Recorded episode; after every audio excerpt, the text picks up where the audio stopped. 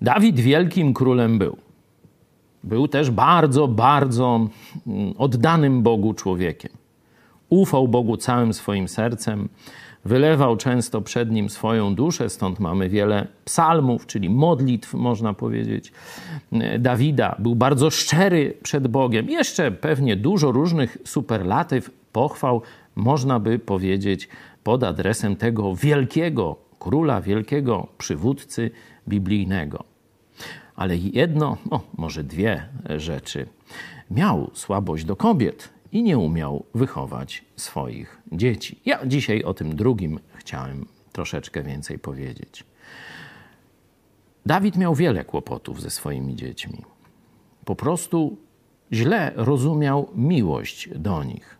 Jego historia z buntem Absaloma jest bardzo dobrze znana, znana, ale ja wam powiem o drugim synu, o Adoniaszu. To jest pierwsza księga królewska, pierwszy rozdział.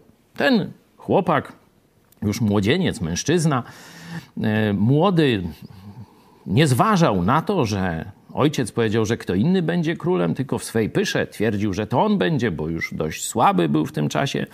Dawid e, sprawił sobie wozy, konie, dobrał sobie świtę z pięćdziesięciu mężów, no i rozbijał się po stolicy.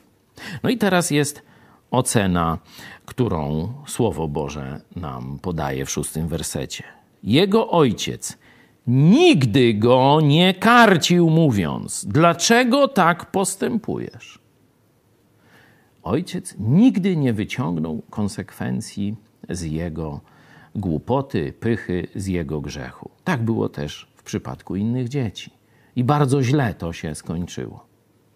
Kiedy byśmy przeszli do Nowego Testamentu i nie ma już królów, widzimy przywódców chrześcijańskich. Tam właśnie te dwie cechy: stosunek do kobiet, mąż jednej żony przez całe życie i dobrze wychowane dzieci. To jest pierwsze podstawowe kryterium przywódcy chrześcijańskiego.